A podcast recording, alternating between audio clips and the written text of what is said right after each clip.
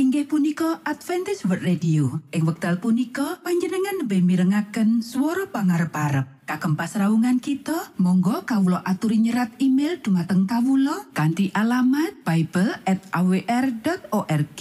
utawi panjenengan uki saged layanan kalian Kawulo lumantar WhatsApp kanti nomor plus setunggal saged layanan kalian Kawulo kalh kalh sekawan kalh kalh kalh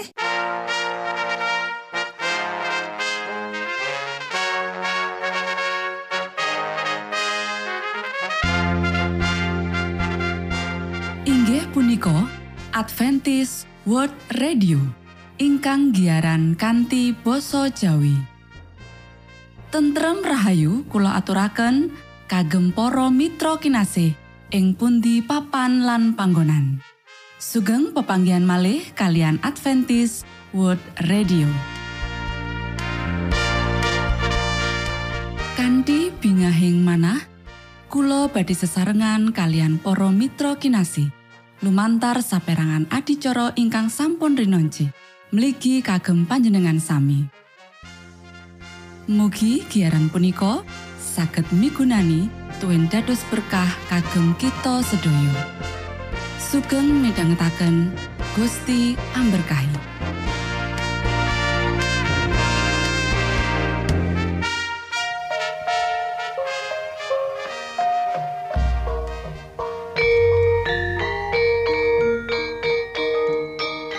Para pamirsa kinasih ing Gusti Yesus Kristus, sugeng pinanggih malih kalian Adventist World Radio. Ing wekdal punika, kita badhe sesarengan ing adicara ruang kesehatan ingkang saestu migunani kagem panjenengan saha kita sami. Tips utawi pitedah ingkang dipun aturaken ing program punika tetales dawuhipun Gusti ingkang dipunnyatakaken ing kitab suci. Semanten ugi sakehing seratan ingkang dipun wangsitaken dening Gusti Allah.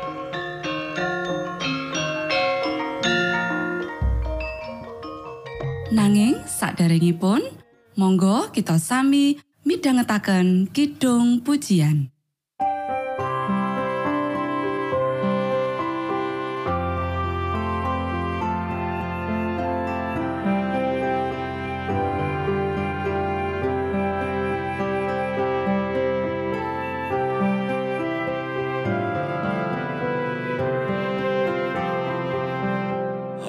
Ajaiblah Yesus Juru Selamatku.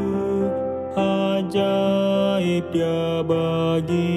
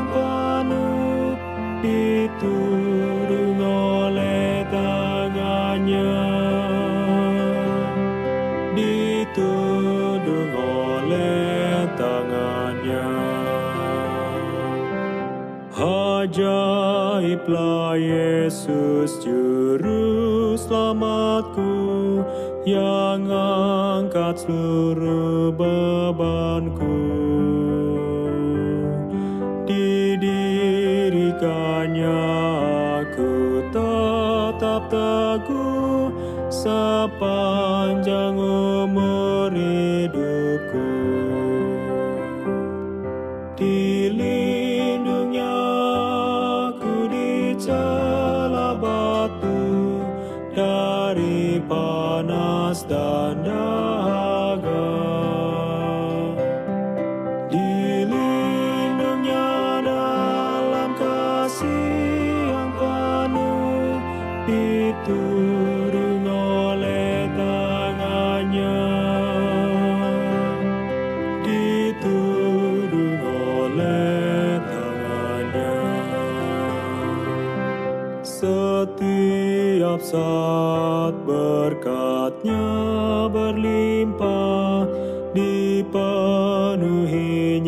Jiwaku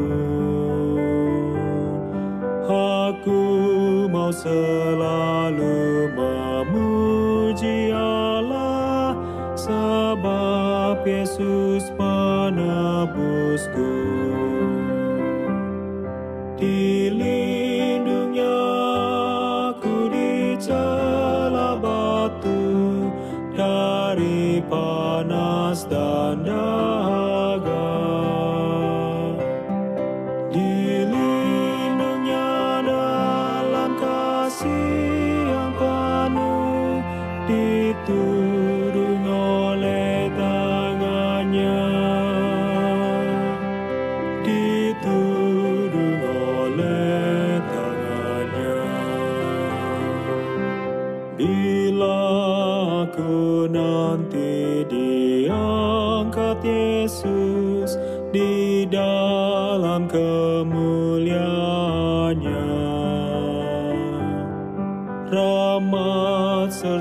Kasihnya yang sempurna akan ku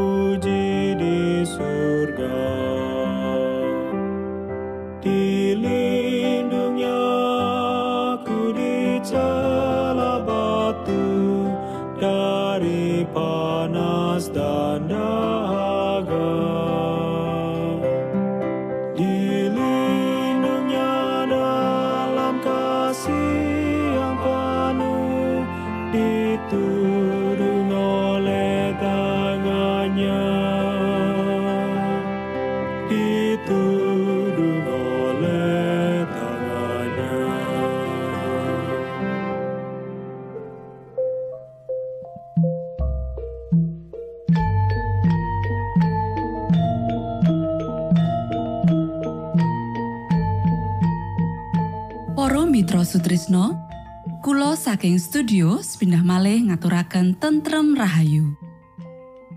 Puji syukur dumateng Gusti ingkang murbeng dumati, ingkang sampun kepareng paring wewengan kagem kita. Satemah saged nglajengaken ruang kesehatan. Pirembakan kita semangke kanthi irah-irahan wowoan gandum lan sayuran. Bagian siji.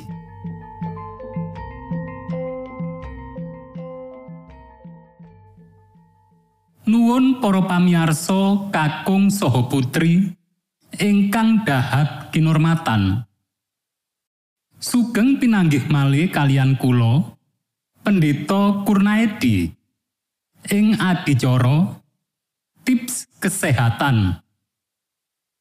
Dinten punika kanthi irah-irahan wowoan gandum lan sayuran. Bagian siji. Perangan siji woh-wohan. Aku ngaturake gunging panuwun marang Gusti Allah. Amarga nalika Adam lan Kawa kelangan petamanan Eden dheweke isih didini mangan woh-wohan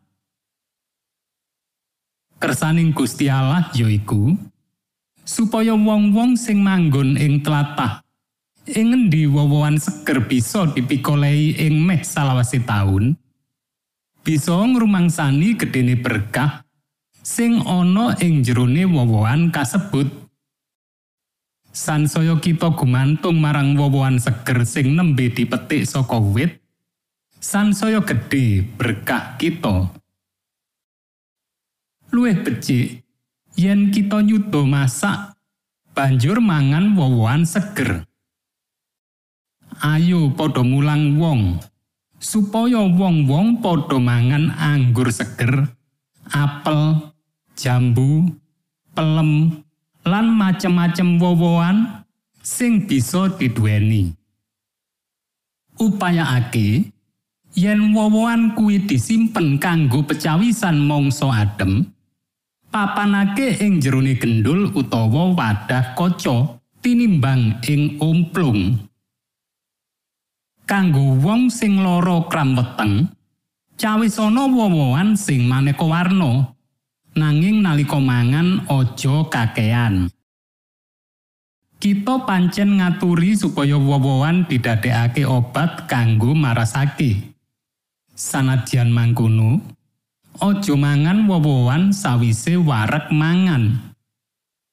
Sayur-sayuran lan wowoan kang nembe usum kang dicawisake kanthi ati-ati iku migunani banget. Pilihan sing paling apik ora bosok babar pisan nanging sing seger tanpa ana penyakite akeh sing mati amarga mangan wowoan lan sayuran bosok jalaran ing weteng difermentasi satemah getihe keracunan pecawisan wowoan kang apik prasaja lan luber iku minangka panganan kang paling becik tumrap wong kang nyawisake diri kanggo pakaryane Gusti Allah. Bagian soko panganan sampurno.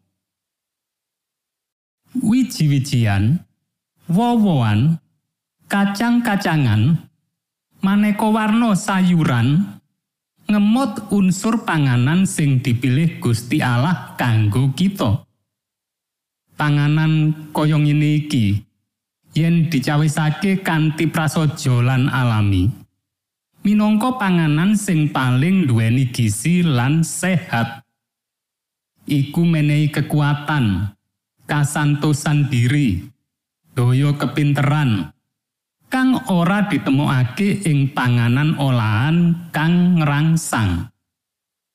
Ing wiji-wijian woh-wohan lan sayuran ditambah kacang-kacangan ditemokake sakabeh nutrisi sing kita butuhake menawa kita sowan marang Gusti Allah kanthi pikiran sing prasaja panjenengane bakal mulang kita cara nyawisake panganan sing sehat tanpa panganan daging.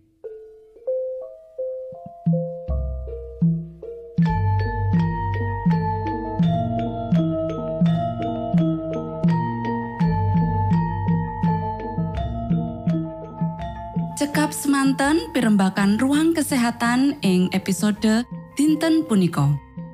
Mugi pisegahan punika saged migunani kagem kita sami. Ugi sampun kuatos jalaran kita badhe pinanggih malih ing episode sak lajengipun.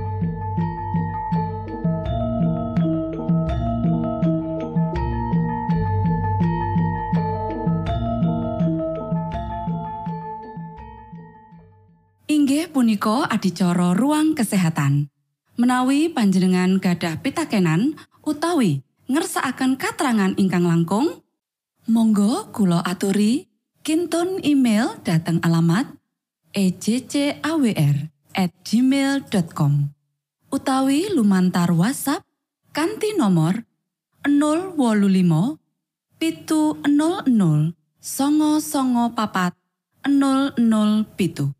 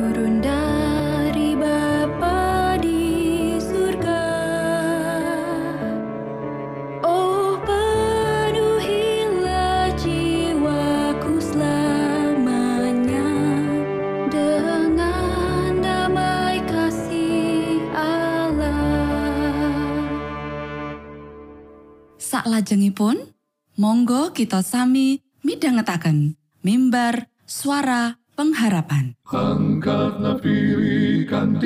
pawarto Sang Kristus paderamu Pro umat samyo puji asmanyo Sang Kristus paderamu Inggih punika mimbar suara pengharapan. Ing episode punika kanthi irah-irahan. Maringi tulodo pandonga. sugeng midhangetaken. Minangka tondo Sang Kristus paderamu Ilmu kawero tambah lan tambah.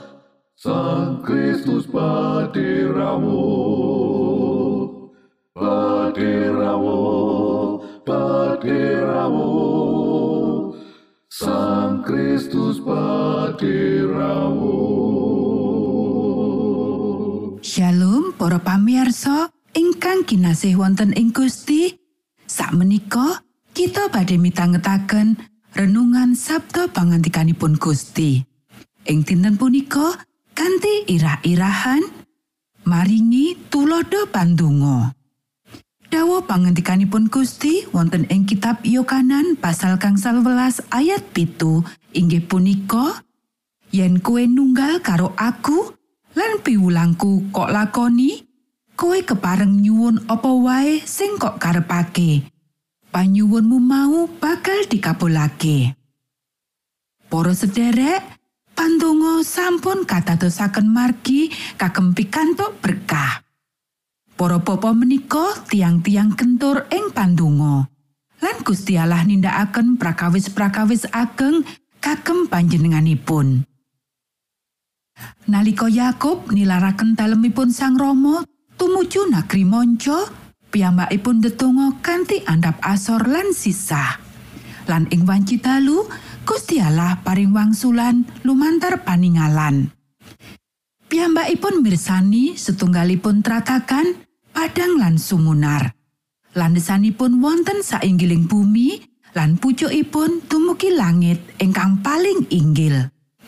Saksampunipun mekaten, sawetawis wonten ing margi wangsul dumateng dalemipun Kang Rama, panjenenganipun gelut kalian putraning Gusti Allah setalu natas.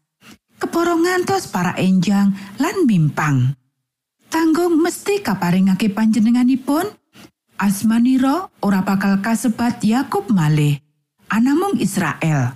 Amargi sira sampun kelut kalian Gusti Allah lan manungsa. Para sederek, Yusuf ndedonga lan panjenenganipun katepihaken saking tetusan ing satengahipun kawontenan ingkang nuntun panjenenganipun tebih saking Gusti Allah. Menawi kagodha supados nilaraken margining kasucian lan kaleresan, panjenenganipun ngendika, Kados pundi kula saged nindakaken plambelasar ingkang ageng menika lan nindakaken dosa dumateng Gusti Allah? Para sederek, Musa ingkang kathah pandonga kasuwur dados priya ingkang paling alus bebutanipun ing jagat menika. Awit alusing budi lan andhap asoring penggalihipun, panjenenganipun pikantuk pikurmatanipun Gusti Allah lan panjenenganipun nindakaken kanthi setya tanggal jawab ingkang inggil, mulya lan suci ingkang kapitadosaken dumateng panjenenganipun. Sawetawis nuntun putra-putra Israel nglangkungi ora-ora samun, mawangsul-wangsul ketingalipun tiang-tiang menika ketah kawucal perkawis, pangresula lan pambelotipun. Namung Musa sowan dumateng tuing kegiatan menika, piyambakipun masrahaken perkawis menika wonten ing ngarsanipun Gusti Allah. Para sederek, Daniel menika kentur ing pandonga. Lan Gusti paring kawicaksanan lan kateguhan kagem bentengi dumateng pamblithukipun pambujuk kang badhe njlomrongaken panjenenganipun supados uwal saking pengendalining diri. Kepara ing wanci timuripun, panjenenganipun menika satunggaling prajurit moral ingkang ageng wonten ing kegiatanipun Gusti ingkang Maha Agung. Wonten salebeting pakunjaran ing Filipi, sawetawis nandhang sengsara kasiksa kanthi kejem, sukunipun karante kenceng. Paulus tuwin Silas ndedonga sarta ngidongaken panuwun dumateng Gusti Allah. Lan para malaikat kautus saking swarga ngluari panjenenganipun. Bumi gonjang kanjeng amargi tindakipun para utusaning swarga menika lan kori-kori ning pakunjaran bikak kanthi wiyar ngluari para pesakitan menika. Para sedherek ingkang kinasih, kita ketah lajeng kemawon ngwalaken cepengan kita ing sainggiling jagat menika lan mangsulaken dumateng swarga. Monggo kita sami ndedonga. Duh Rama kawula ingkang wonten ing swarga, asma patuko mugi kasucikaken. Kraton patuko mugi rawuh. Karso patuko mugi kalampahan wonten ing bumi kados dene wonten ing swarga. Kawula mugi kaparingan rejeki kawula sak cekapipun ing dinten punika. Saha patuko mugi ngapunten kalepatan kawula kados dene kawula inggih ngapunteni tetiang ingkang kalepatan dhateng kawula. Punapa dene kawula mugi sampun ngantos katantukaken dhateng ing panggoda. Nanging mugi sami patuko uwalaken saking piawon. Awit dene patuko ingkang kagungan kraton saha wisesa tuwin kamulyan salami laminipun. Amin.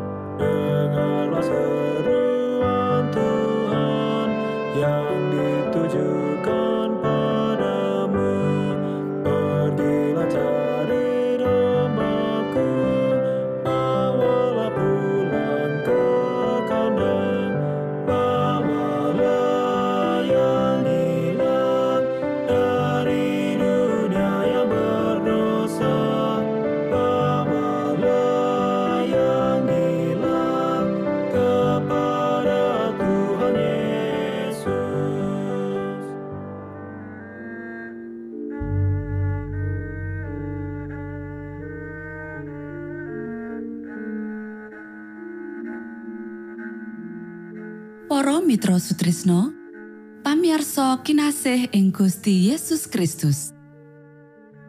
Sampun paripurno pasamuan kita ing dinten punika. Inggih awit winatesipun wekdal pramila kita pisah sawetawis. Menawi panjenengan gadah pitakenan utawi ngersakaken seri pelajaran Alkitab suara nubuatan, monggo Kulo aturi kintun email dateng alamat ejcawr at gmail.com utawi lumantar WhatsApp kanti nomor 025 pitu 00 songo songo papat 00 pitu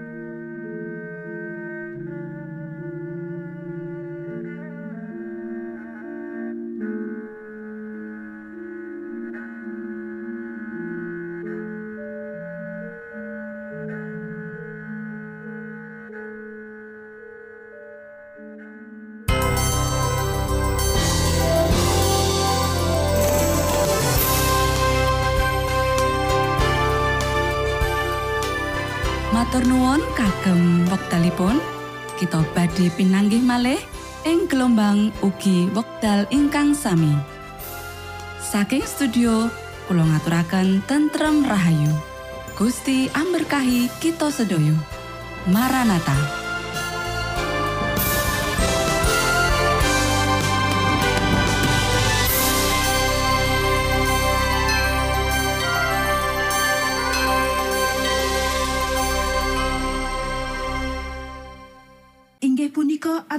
World Radio. Ing wekdal punika panjenengan nembe mirengaken swara pangarep-arep. Kagem pasraungan kita, monggo kawula aturi nyerat email dumateng kawula kanthi alamat bible@awr.org. Utawi panjenengan ugi saged layanan kalian kawula lumantar WhatsApp kanthi nomor plus setunggal saged layanan kalian kawula kalih kalih sekawan kalih kalih kalih